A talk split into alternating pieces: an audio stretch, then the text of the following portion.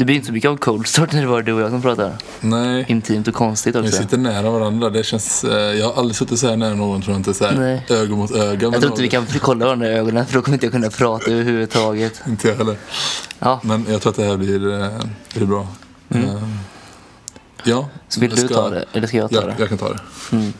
Det kommer inte bli Jag så mycket trams och flams På idag. något sätt är jag idag ehm, MC. Mm. Jag har ju hand om eh, tekniken idag för en gångs skull. Alltså hela tekniken. Ja, du har datorn mot dig, micken mot dig. Jag sitter liksom och kollar in på ett, i ett lysande äpple bara. Och förhoppningsvis inte i mina ögon. Nej. Eh, om det blir så tyst ett tag så är det för att jag eller Karl har råkat kolla in i den andras ögon. Precis. Börjar rodna här. Ja, Okej, men vi kör igång. det får bli vad det blir. Prata om livet, hur mår ni? Good real life! Get rich, uh, get rich, uh, uh, get rich. Get rich, och die för det. Get rich, och die för det. Pip, pip,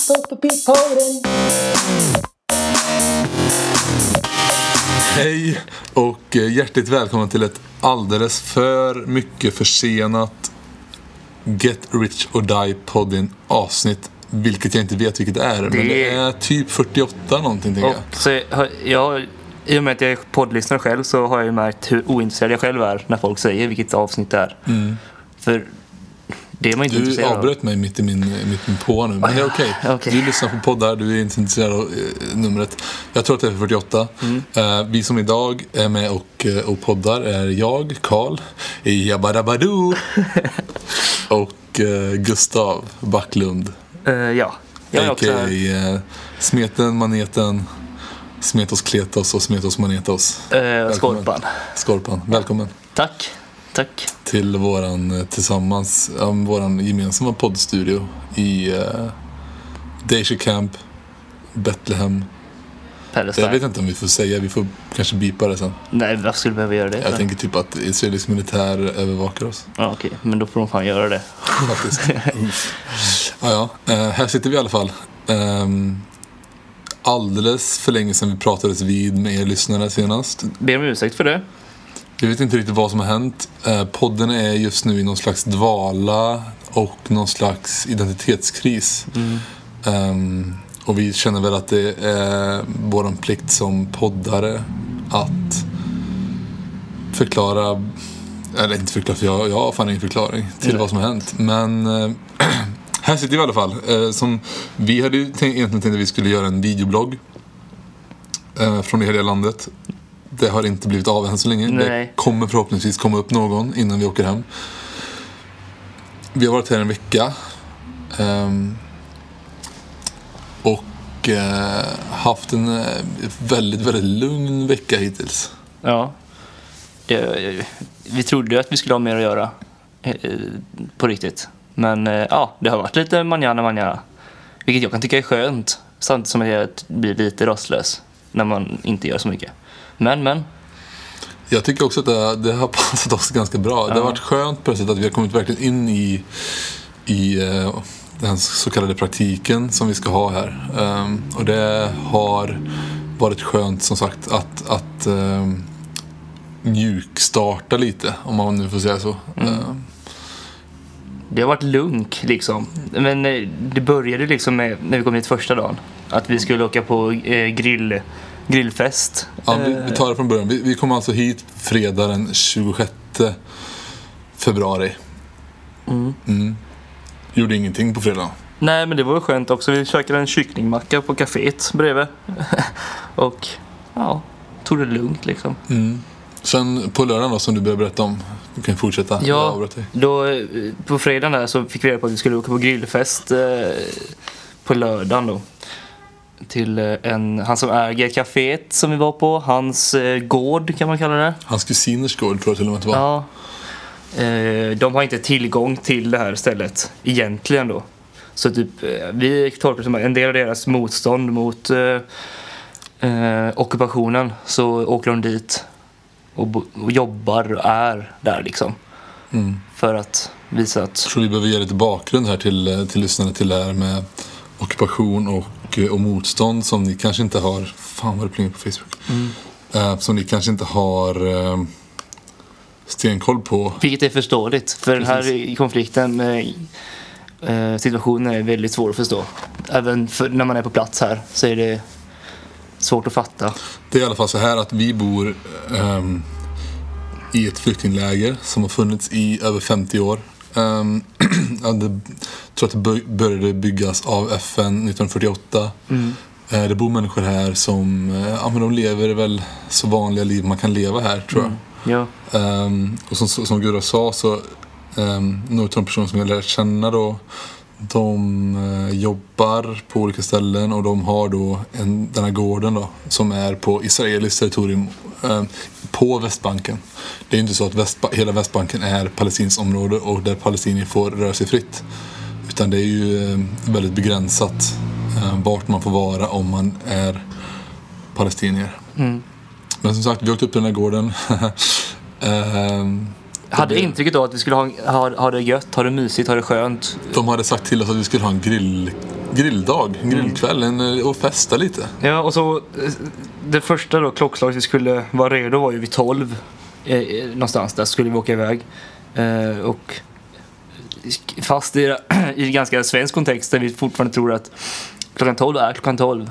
Eh, det, det var inte klockan 12. Tror vi kom iväg närmare två. Ja, jag tänkte säga det. Ett, halv två där började röra på oss. Ja. Satt i bilarna vid två kanske. Precis. Uh, kom fram till den här gården. Så visade det sig att vi ska, vi ska jobba. Trädgårdsarbete. Ja. eh, med händerna. Eh, vi skulle klippa gräs med händerna helt Ja, enkelt. ja, det fanns ju några knivar och liknande grejer men det fanns kanske två stycken till tio pers.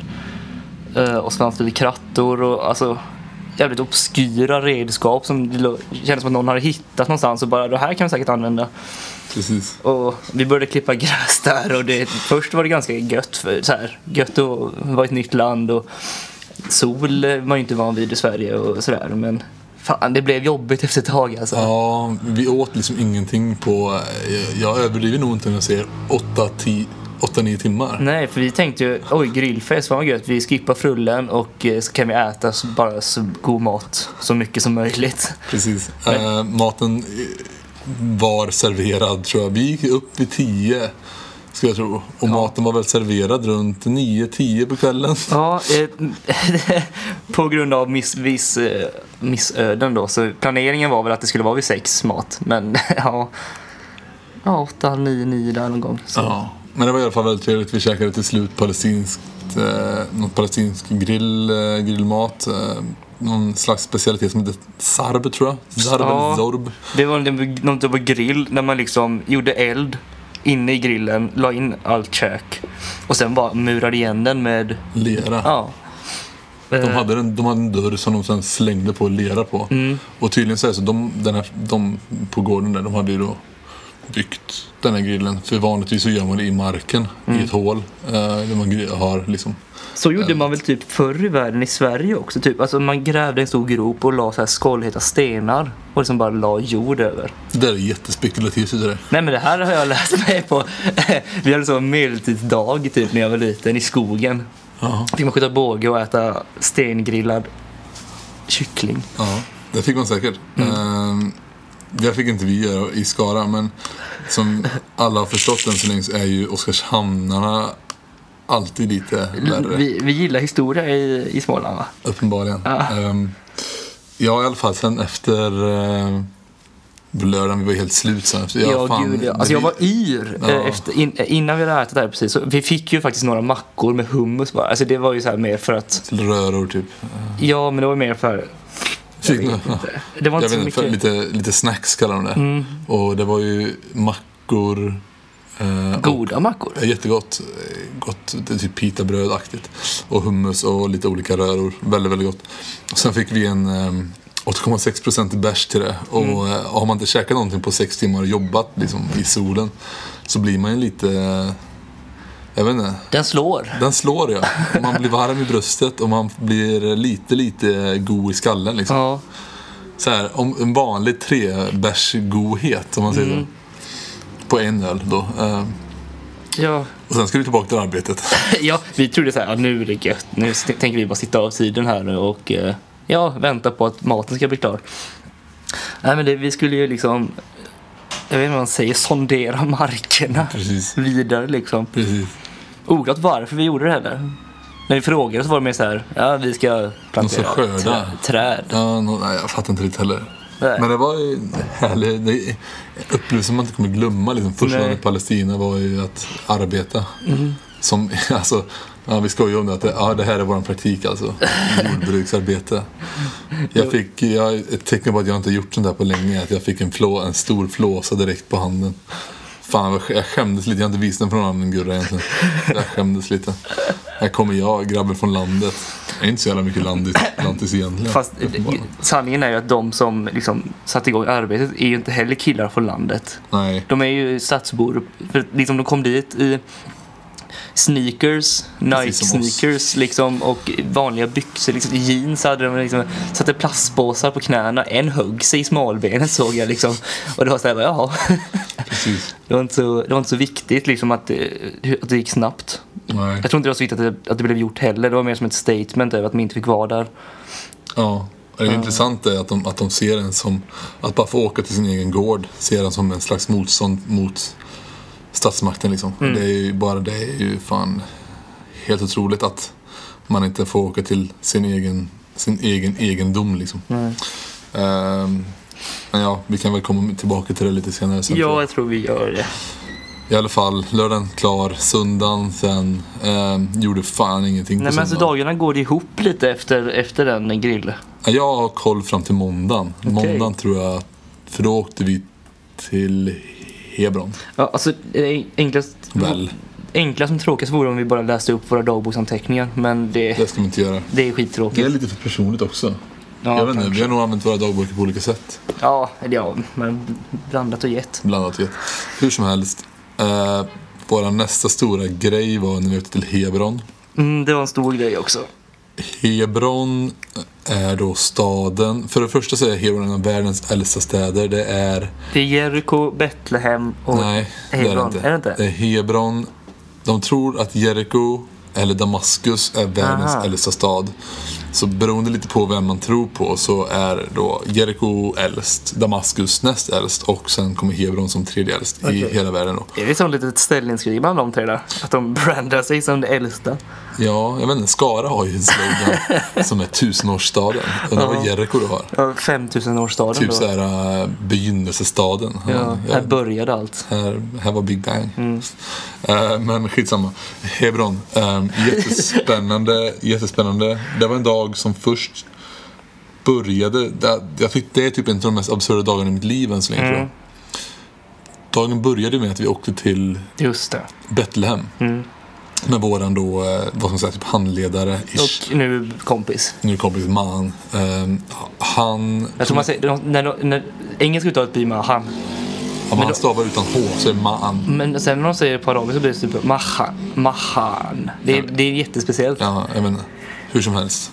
Vi åkte till Betlehem. ehm, där vi eh, gick till eh, Church of eh, the Nativity. För första gången. Vi har varit där två gånger. Ja. Eh, första gången var vi där och då såg vi Jesus födelseplats. Uh, var nere där i där man tror platsen där han föddes. Mm, där Eh, folk antingen luktar eller kysser marken. Ja, det är som en sten typ som de kysser. Ja, inte, det ser ut som en grill. Nej, inte grill, men så här, vad heter det? Öppen eld. Där man Ja. eldar typ. Precis. Väldigt speciellt, väldigt häftigt. Um, man, jag i alla fall fick en lite så konstig känsla i bröstet, typ som att det är någon som... Um, vad ska man säga? Ja, men någon som... Någon som besatte dig. ja, med den fick, heliga anden. Ja, jag fick någon sån här... Jag tänkte typ, är det nu jag är frälst? Svar nej. Tyvärr. Jag är avundsjuk. I alla fall, vi var där med man. Och sen gick vi och käkade på Betlehems bästa falafelställe. Mm. Ja, det, och jag har ju aldrig, aldrig innan den här resan ätit falafel. Jag tycker att det är väldigt gott. Men jag har ju så här ingenting att jämföra det med egentligen. Om falafeln här är liksom dubbelt så bra som hemma, trippelt så bra eller ungefär lika. Mm. Vad skulle du säga att, det, att den är? Ja, alltså det är så jävla svårt. Hemma, som, alltså som i Norrköping så är det ju, det går inte ens att jämföra liksom. Nej. I alla fall inte de som jag har testat på i Norrköping. Um, jag har käkat god falafel i Malmö men det är fortfarande liksom inte samma sak. Du kan ju äta, du kan äta god pasta hemma i Sverige men det blir inte samma. Alltså det blir alltid samma, en annan grej när det kommer, för liksom när man äter det i landet där, där de har det som, vad ska man säga, som, som, vi- som vi gör köttbullar liksom. Mm. Ja, det finns ju falafel i varje hörn här liksom. Billigt. Tre shekel för en falafel på kaféet här bredvid. Ja. Och det är alltså ungefär sex kronor.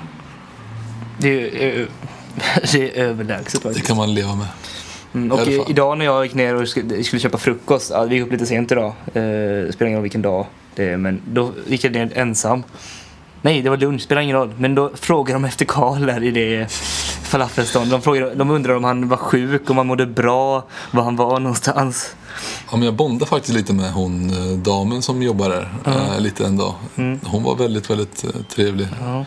Och glad över att vi var där. Eh, men som sagt, tillbaka till, tillbaka till Betlehem. eh, och bästa falafelstället i Betlehem. Det var fantastiskt gott. Eh, man fick liksom... Vi fick några bröd, så fick vi några falaflar. Eh, jag vet inte om man säger så. jag- Falafels. några falafel. Och så fick vi bara hummus och en annan så här, typ hummus, äh, kik etch baserad röra. Mm. Jätte, jättegott. Fantastiskt. Jätte. Och sen det var, det var liksom, det är som en, de gör ju typ tallrik av hummusen och sen är det liksom blött i mitten. Mm. Jag vet inte, det är ja, Magiskt. jättegott. Jättegott. Men sen tog ju våran, den här, alltså den här dagen då en jävla vändning. Vi visste typ från dagen innan att vi skulle åka till Hebron då. Ehm, Vid tre. hade, ja, och vi hade hört det tillöst bara om, om stan. Ehm, och vad, som, vad det innebär liksom. Och då är det så att Hebron är och har varit nu det senaste eh, kokpunkten för hela Palestina-Israel-konflikten. Där det har varit mycket demonstrationer, mycket dödsskjutningar och eh, där den militära närvaron är mer påtaglig än kanske någon annanstans på hela Västbanken. Och det är så mycket settlements där, alltså israeliska bosättningar. Som från början var tänkt att vara militär, alltså militärläger eller vad man säger. Och sen har de liksom utvecklats, eller vad man ska säga, till, eh, till bosättningar för israeler. Eh, Med, eh, med murar och stängsel och taggtråd kring. Precis, liksom det är som kontrast att se mellan i Hebron där palestinier bor och sen hur- se hur bosättningar, det är sån stor skillnad på byggnader och livskvalitet kan man inte kalla men ja, Det tror jag man kan säga faktiskt. tror jag kanske. Men alltså ja, fast ändå livskvalitet så känns ju palestinierna alltså det är inte så att den här situationen utåt så berör den inte dem jättemycket. De skrattar och ler och är jättetrevliga hela tiden oavsett om det har hänt någonting under natten eller om eh, om det liksom, ja men om det har hänt att eh, någon har blivit skjuten eller att någon har blivit arresterad så är det fortfarande liksom glada miner hela tiden. Och eh, det är ju fantastiskt att se. Samtidigt som att det är hemskt att se. Att, eh, att det är så. Precis. Alltså, men ja, och i Hebron då så är det ju liksom, vi gick på en, en, en tour eller en tur med en, en man som eh, han har startat upp diverse människorättsorganisationer i, i Palestina och varit arresterad eh, 30 gånger. 30 gånger Ja. tror jag han sa. Eh, första gången var han 19 och satt han i tre år. Eh, och då tror jag att det var, då satt han i fängelset vid den första intifadan. Mm. Eh, har jag för mig att han sa. Um, I alla fall, han var ju superintressant och super ehm, fascinerande på sättet som han lever och sättet som han liksom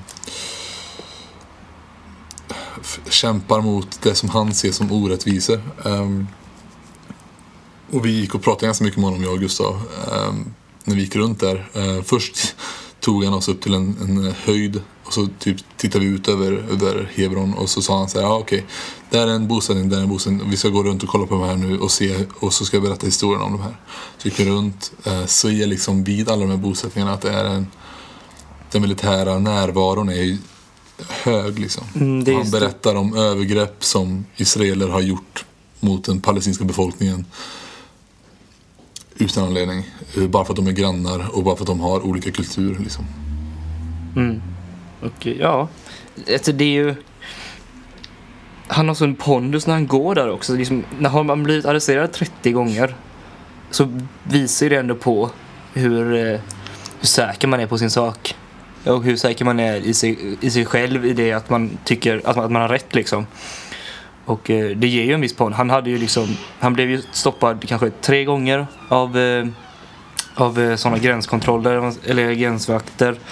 Och visade liksom pondus mot dem varje gång. Liksom. Han lät inte varken liksom skrämmas eller på något sätt visa svaghet. Inte på något sätt. Vi kom fram, vi gick på vägen bara. Och sen så på vänster sida ganska långt bort så var ett av de här settlementsen då. Och så var det vakter där som stod och vaktade en, vad han kallade olaglig synagoga som de har byggt på palestinsk mark. Mm. Och en palestinsk fam- familjs mark. Eh, som de inte heller kommer att ta bort liksom. Eh, han går fram, vi blir lite rädda då, som att det står två vakter med vapen och säger till oss att vi måste stanna. Um, han går fram och säger bara, vad ska ni göra? Ska ni skjuta mig? Jag har ingenting på mig. Um, jag är palestinier, det här är internationals. Ska ni, ska ni säga till dem att de också ska klä av sig? Då blev vakterna blir ju märkbart osäkra Ja. på hur de skulle agera liksom. Och vi fick bara fortsätta tack vare hans sjuka pondus. Liksom. Ja, verkligen imponerande på ett sätt. Ehm, ja. Vi fortsätter gå runt i Hebron, han fortsätter berätta historier. Liksom. Vi går och tittar på... Eh, eller ja, efter det så kommer vi in i, mot... ehm, jag tror att den heter Al-Aqsa-moskén. ehm, Som är väldigt stor och väldigt känd. Där det för typ 20 år sedan eh, skedde en eh, massaker av en, en judisk bosättare gick in i, massaker, eller in i moskén under Ramadan och eh, mejade ner hur många människor som helst med en kulspruta. Och, och, och, och man, man märkte ju liksom så fort man kom, när, han, när vi kom till liksom, att det är en helt annan stämning. Eh, det är militärer i, större utsträckning. Det är kameror i varenda gathörn som registrerar människor och människors rörelser. Mm, familjer har ju till och med som, bor, som fått kameror uppsatta, uppsatta bredvid sina hus har liksom murat igen eh, fönster liksom för att inte eh, israelisk Alltså de inte ska få insyn i deras liv liksom. Precis. Vilket, ja. Det är också en jävla grej att man inte kan tänka sig att leva i sitt hem utan naturligt ljus på något sätt. Mm. Det är hur sjukt som helst att, som man tar ganska för givet hemma i Sverige liksom att ah, nej, vi, vi, vi har inte fönster här. Vi kör utan det. Precis. Det är väldigt, alltså, Vi diskuterade det när vi såg de här kamerorna att det är, ju- det är ju ett perspektiv på eh, inte, alltså på vissa grejer som vi i Sverige tycker är hemska inte, integritetskränkningar med att folk är rädda för att få sin eh, eh, folk är rädda för att bli tagna för att ladda ner saker för att man kontrollerar IP-adresser. Det är ingenting. Vad man gör på internet kanske inte är lika viktigt vad man gör i verkliga livet, typ. Precis. Sen kan man ju argumentera, kan man argumentera för. Ja, absolut. Men hur som helst, liksom, det sitter kameror överallt som registrerar en del av staden. Och en, en del av befolkningen i staden och inte den andra. Mm. Bara för att de är ehm, jag vet inte om det är bara för att de är muslimer eller om de är bara för att de är palestinier liksom, Mm. generellt. Ehm, det är helt absurt att se och det, är, det, ger mig, det gjorde mig övertygad och övertygad om att det är liksom en övervakningsstat utan dess like. Som på något sätt man kan, jag skulle fan vilja säga att det är apartheid också liksom. Ja, och det är en tanke som går här, att det är apartheid. Eh, alltså, de pratar ju mycket om Irland också, Nordirland väl, här. Och drar mycket kopplingar till det. Att eh, de lever under, un- under liknande förhållanden. Precis. Ehm, och det är bara, ja, det gjorde mig, den dagen gjorde mig väldigt förtvivlad. Och se på liksom att, men vart är, vart är resten av världen? Det är fan ingen som, det är ingen som agerar och det är ingen som hjälper till. Utan alla bara blundar bara för att de är rädda för en, en stat som väst på något sätt också har skapat liksom. Och förtrycket av människorna som bor i det här området där vi bor nu är eh, mycket, mycket större än vad svensk media någonsin har rapporterat om. Och det, jag får lite tårar i ögonen när jag pratar om det men jag tycker det är fan fruktansvärt att det inte sker någonting. Det är ingen som gör någonting. Liksom, vi fokuserar på vårat. Vi fokuserar på Europa. Visst, det kan vi göra men det finns fan människor här som aldrig kommer veta vad frihet innebär. Nej. Det, det var verkligen eh, en, eh, en promenad som var jobbig att göra, men viktig tror jag. Ja, vi fick ja, man får perspektiv och man, man upplever och ser en verklighet som vi aldrig någonsin kommer att uppleva. Oavsett vilka som vinner ett val i Sverige så kommer vi aldrig uppleva ett sånt övervakningssamhälle. Utan en sån, ett sånt förtryck som människorna här får utstå. Ehm, och inte kan göra någonting åt. Heller. Och fortfarande, jag är, så jävla imponerad av hur, hur situationen tacklas.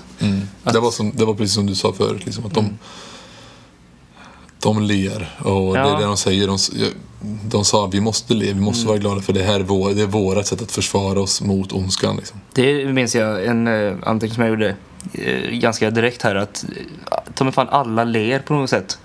Barn ler, liksom vuxna ler. Folk säger, berättar historier som är hemska på riktigt som eh, man vill gråta åt.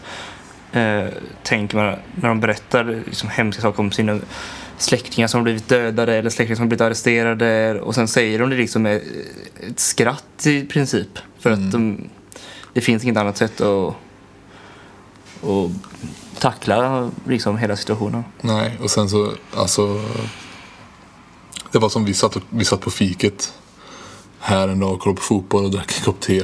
ehm, som, som alla gör här. Liksom. Vi, ja, ehm, och då kommer en av de killarna som vi har lärt känna ganska, så, ganska bra än så länge tycker jag. ehm, och säger bara.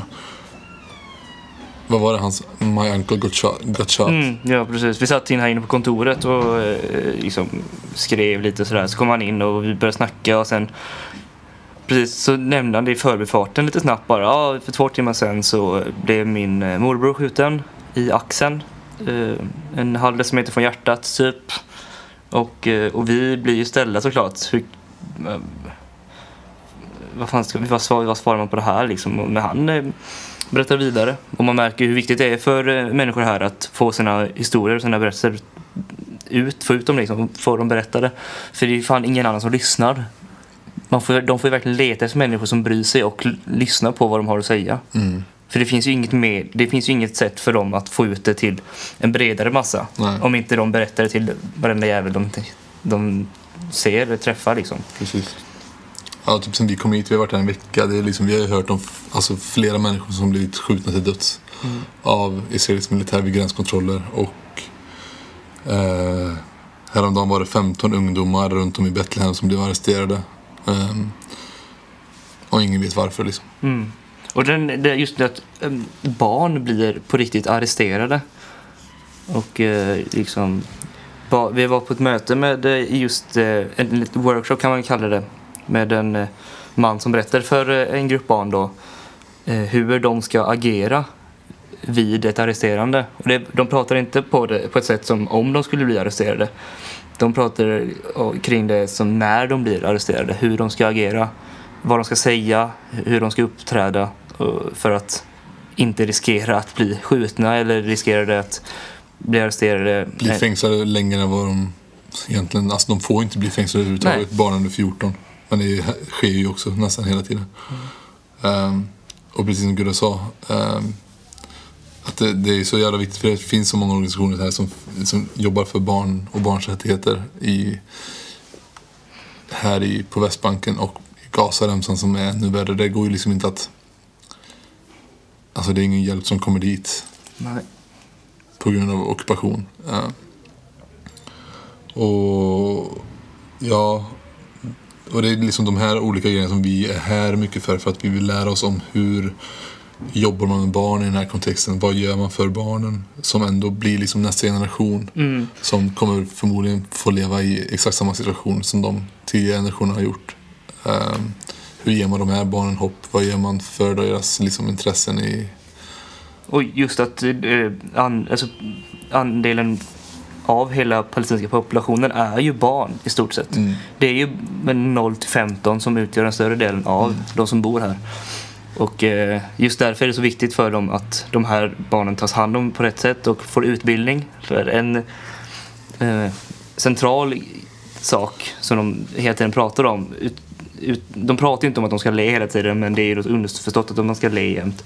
Men också att utbildning är liksom det enda vapnet de har för att på något sätt... För eh, befrielse. Precis, för att det är inte vapen som ganska mycket media runt om i världen eh, visar. Liksom att palestinier, det enda palestinier gör det är antingen att knivar folk eller spränger liksom, bilar. Det är, Det kanske stämmer till en viss del för vissa, men det är en Precis. väldigt förenklad verklighet. ja, Eh, för vi bor ju som sagt i ett flyktingläger där majoriteten, skulle jag inte säga, men väldigt, väldigt, väldigt många är välutbildade människor. Går på universitet, de har bott, bott utomlands, pluggat utomlands. Eh, som är, de har mycket väl, alltså de har väldigt bra koll på, på vad de kan göra liksom. mm, Ehm, och det, är- ja, det är bara så, så jävla absurt. Hela situationen. ja, det är svårt att greppa det liksom. Mm, och Hebron var ju som sagt då där våra ögon verkligen öppnades. Jag kommer liksom ihåg när jag kom hit. Va? Men det är, vart det är de, den, den militära närvaron som man hade tänkt att det skulle vara. Liksom. Mm. Ehm, kom Alltså- till Hebron och så ser man verkligheten för människorna där. Och det var... Ja, det En så sjuk grej i Hebron som vi ser det är liksom när vi går på en gata och i stort sett är på sightseeing kommer det liksom en bataljon kan man inte kalla det kanske, men en grupp Mm. ja, soldater. Fem, sex soldater. Liksom i joggingkläder, eh, varav två av de här då bär på varsin liksom, automatkabin. Ja, tunga jävla vapen liksom. Som de ja, man springer och skyddar sig med. Ja, på tomma gator. Ja, ja, det, det är klart att det kanske finns människor i Hebron som vill göra de här soldaterna illa. Men Ja. det såg så jävla absurt ut alltså. Ehm, och som sagt, Hebron var ju då det som verkligen så här.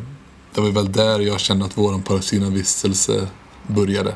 mm, ja, På riktigt. För det var där man fick liksom uppleva konflikten som den ser ut i dagsläget. Liksom. Mm.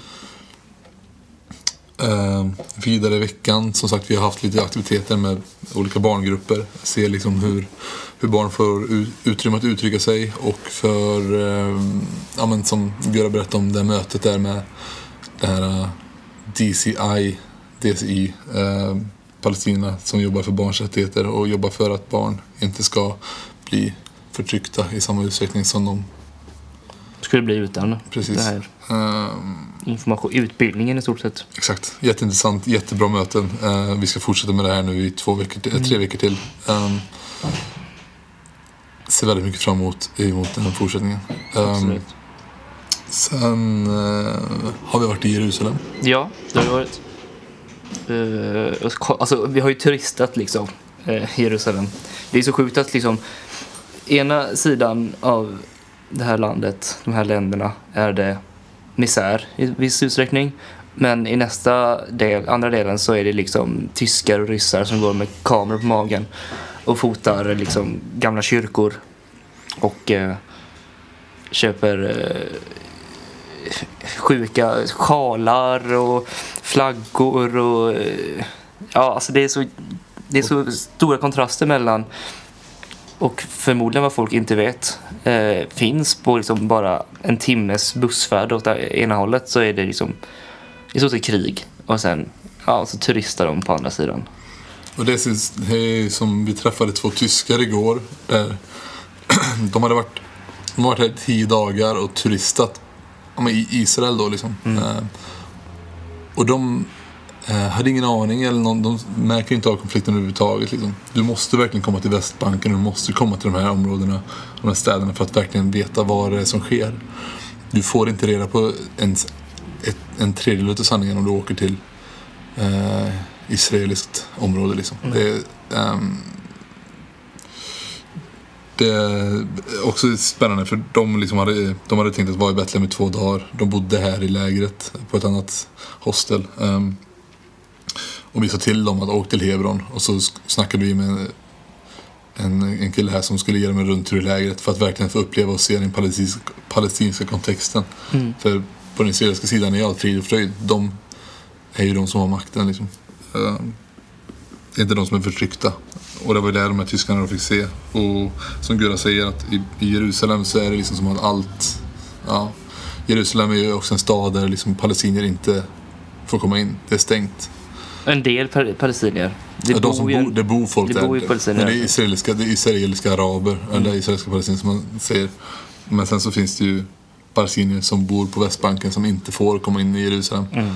Av någon anledning. Ehm, Som de inte får reda på. Vi har en, snackat med en kille här som bor i, camp, i lägret som har är blacklisted från att eh, ja, ta sig utanför Palestina i stort sett. Och när man frågar var, varför han är det eller hur länge han är det så har han inget svar på det. För han vet inte varför han blivit svartlistad. Han berättade ju faktiskt varför han hade blivit det häromdagen. Jag vet inte om du hörde det? Nej, det gjorde han inte. Han hade gått, eh, jag vet inte, han hade varit vid en gränskontroll. Ehm, En vakt hade hållit på och lekt med honom och skojat med honom alldeles för mycket typ.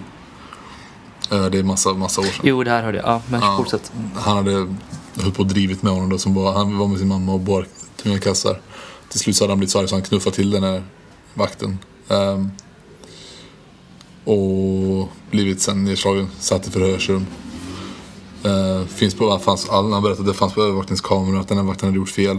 För man, israeliska militären har, har väl också någon slags riktlinje att hålla sig efter. Ja. Ehm, och ja, som sagt, han blev frisläppt där. Liksom. Han hade inte gjort något fel vid gränskontrollen då, men ändå blivit svartlistad. Och inte får, han får liksom inte lämna Palestina överhuvudtaget. Ehm, ja, det är ju absurda situationer.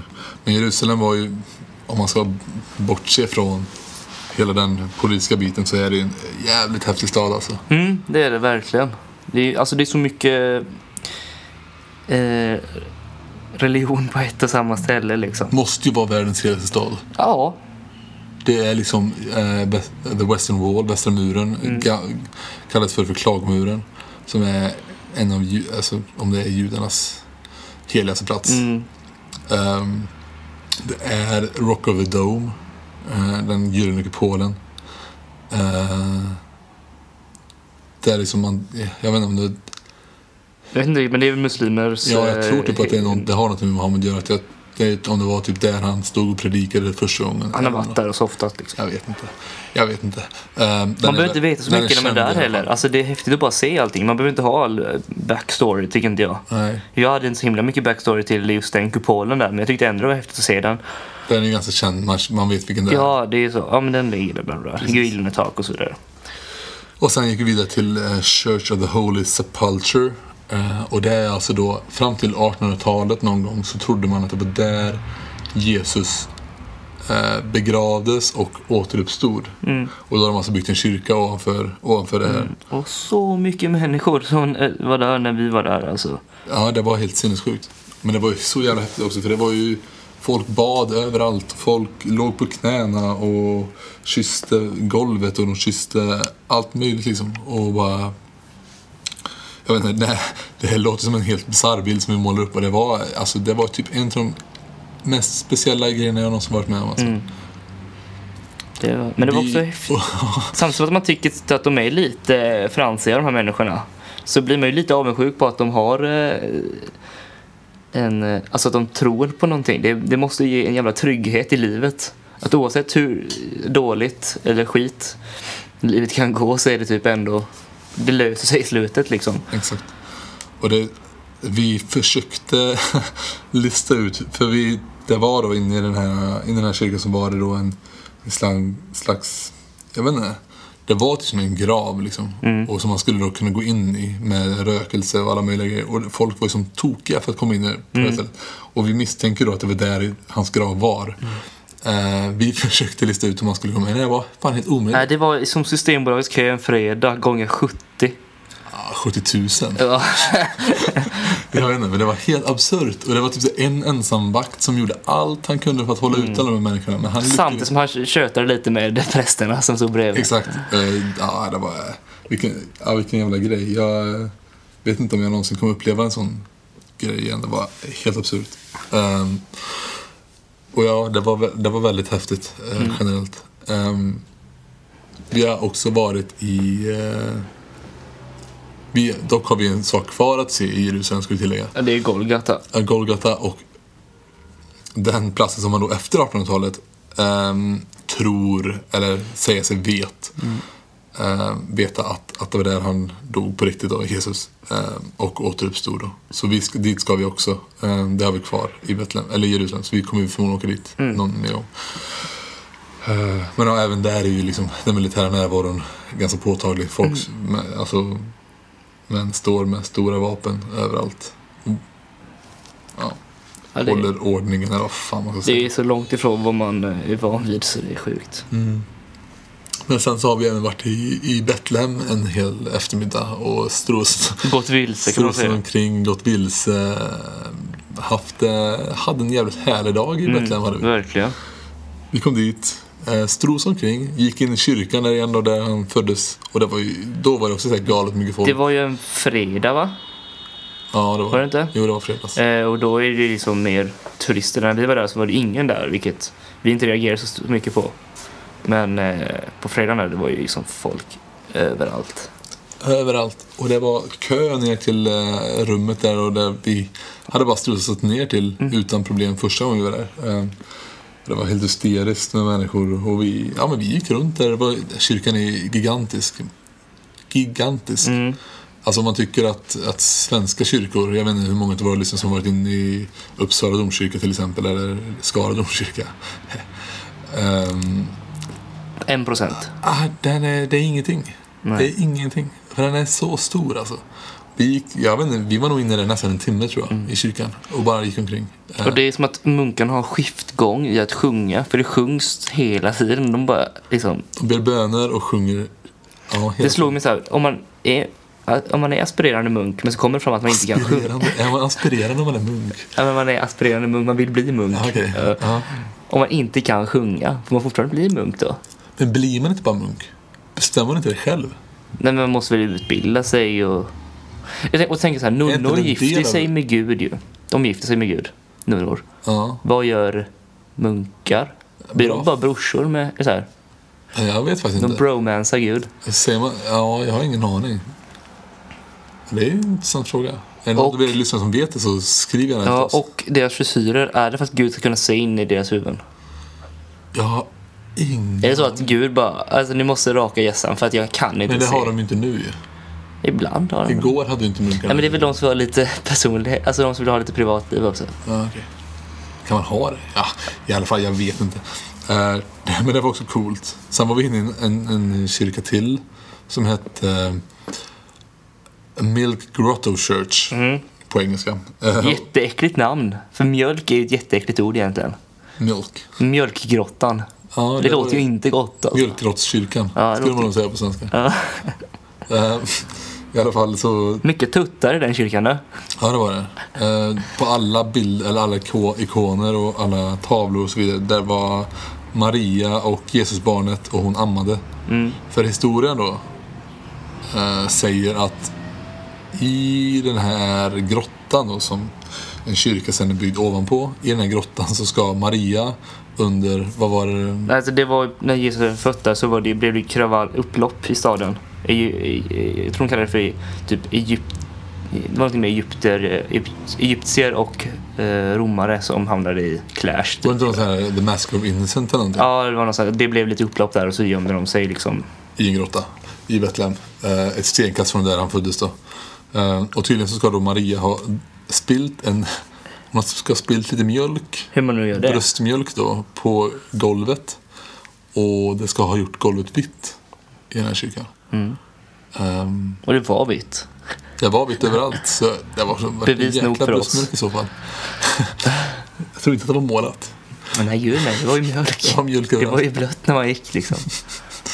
Det plaska. Uh, ja, det var, det var faktiskt häftigt. Det var en häftig... Mm. häftig Och eh, det, vi lite odelade åsikter där, men en, tanke var att man får skitbra amningsmjölk om man är, går in där, både som kristen och som muslim. Och att fertiliteten liksom boostas. Det är som att få Viagra när man går in där. Precis. Ja, ja, ja precis. Eh, det kan vi tro vad man vill om. Jag, jag kände inget sånt. Jag vet inte, jag kanske blev superfertil. Ja.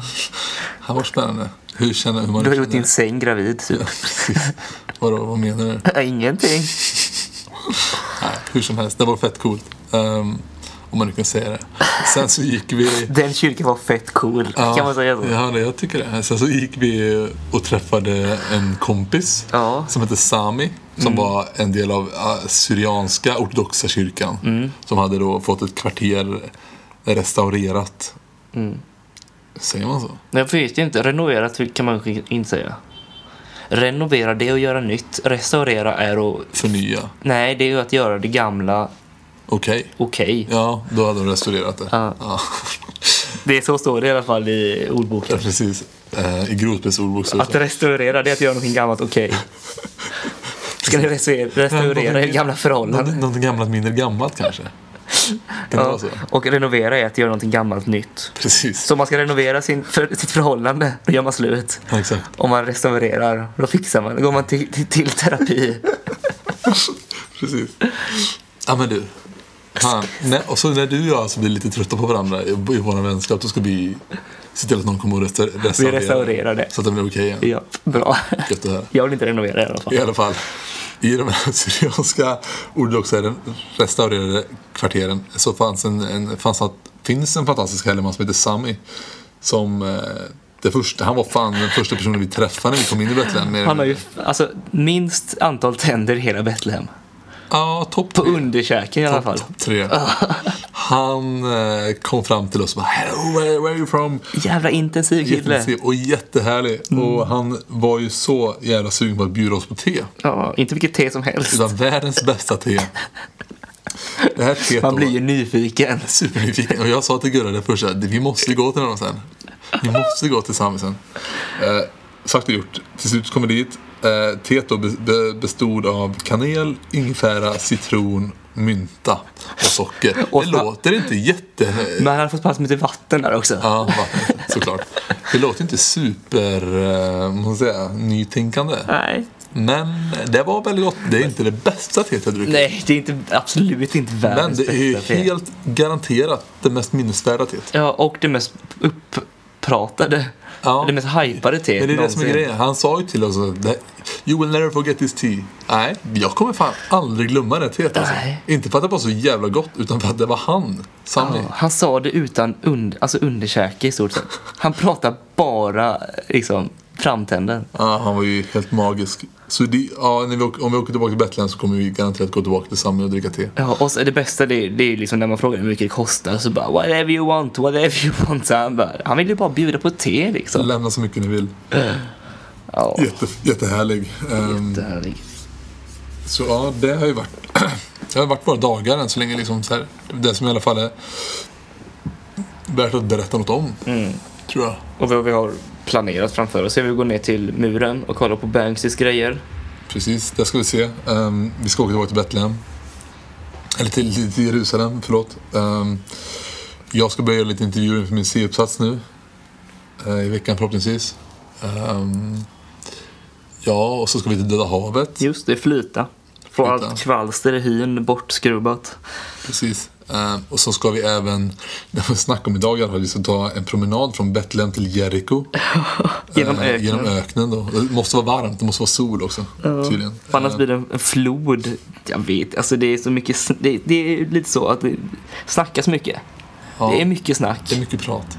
Det är härligt, jag gillar det verkligen. Ja. Ehm, men det ska vi tydligen göra. Det kommer ta fem timmar att gå. Så ja, överlever vi det så överlever vi allt. ja, verkligen. Vi måste knoppa på vandringsstavar också. Ja, det måste Om man ska gå i fem timmar så behöver man bra skor och en stav. Exakt. Men, ja, men eh, för er som undrar så kan vi väl i alla fall tillsammans säga att vi trivs väldigt, väldigt bra här än så länge. Mm, absolut.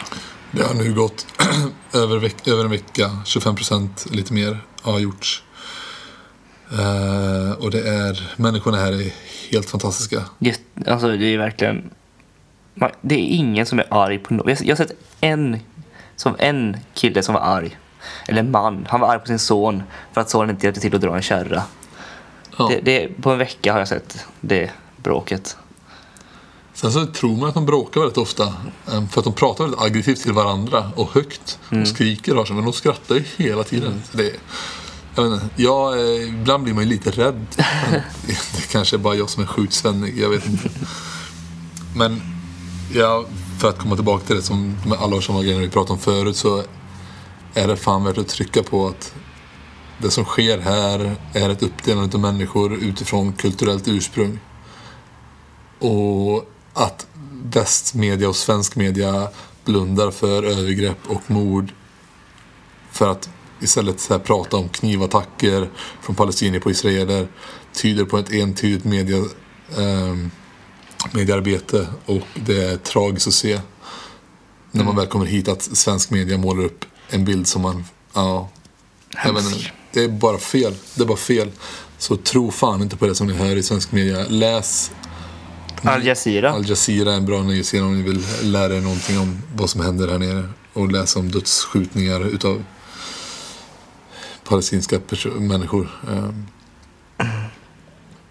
Ja, jag vet inte. Jag har inte så mycket mer att tillägga. Nej, ett allvarsamt eh, grodpö-avsnitt. Men eh, Framförallt informativt och uppdaterande om vår situation. vad- Hur vi har det tillsammans med människorna här. Och hur de har det. Ehm, vi, ja.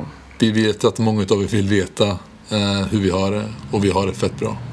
Och ni som väntar på ett roligt avsnitt igen. Då får ni vänta lite till då. Får nog vänta lite till det. Det kommer. Det kommer snart. Vi får även ursäkta lite om det är lite störningsljud i bakgrunden. Det är inte så mycket vi kan göra åt. Nej, vadå då? Det är lite Ja, men det- motorcyklar och sånt där va? Ja men det är det. Vadå, ska, man, ska vi ut och tjata på att de ska köra... ska de köra långsamt eller? Nej, Nej. det ska de verkligen inte göra. Ska de tuta mindre? Nej. Nej. Hur ska man då kunna veta att det kommer bilar? Inte jag. Jag vet inte. Hur, hur ska vi veta det? Ska vi ringa en taxi? Ja. Nej! Vi kör ut fingret som man gör här. Ja, ja. Ja, precis. Hur som helst. Um, ett shout-out till våra bröder hemma. Diggaren Dallas. Nino Talovic. Och, Vars nickname vi inte ska säga. och eh, Jeppe Giraffen.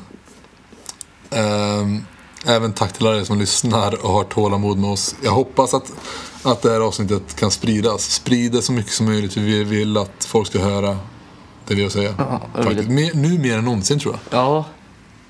Jo, nu, nu, det här är viktigt att veta. Eller i alla fall inte.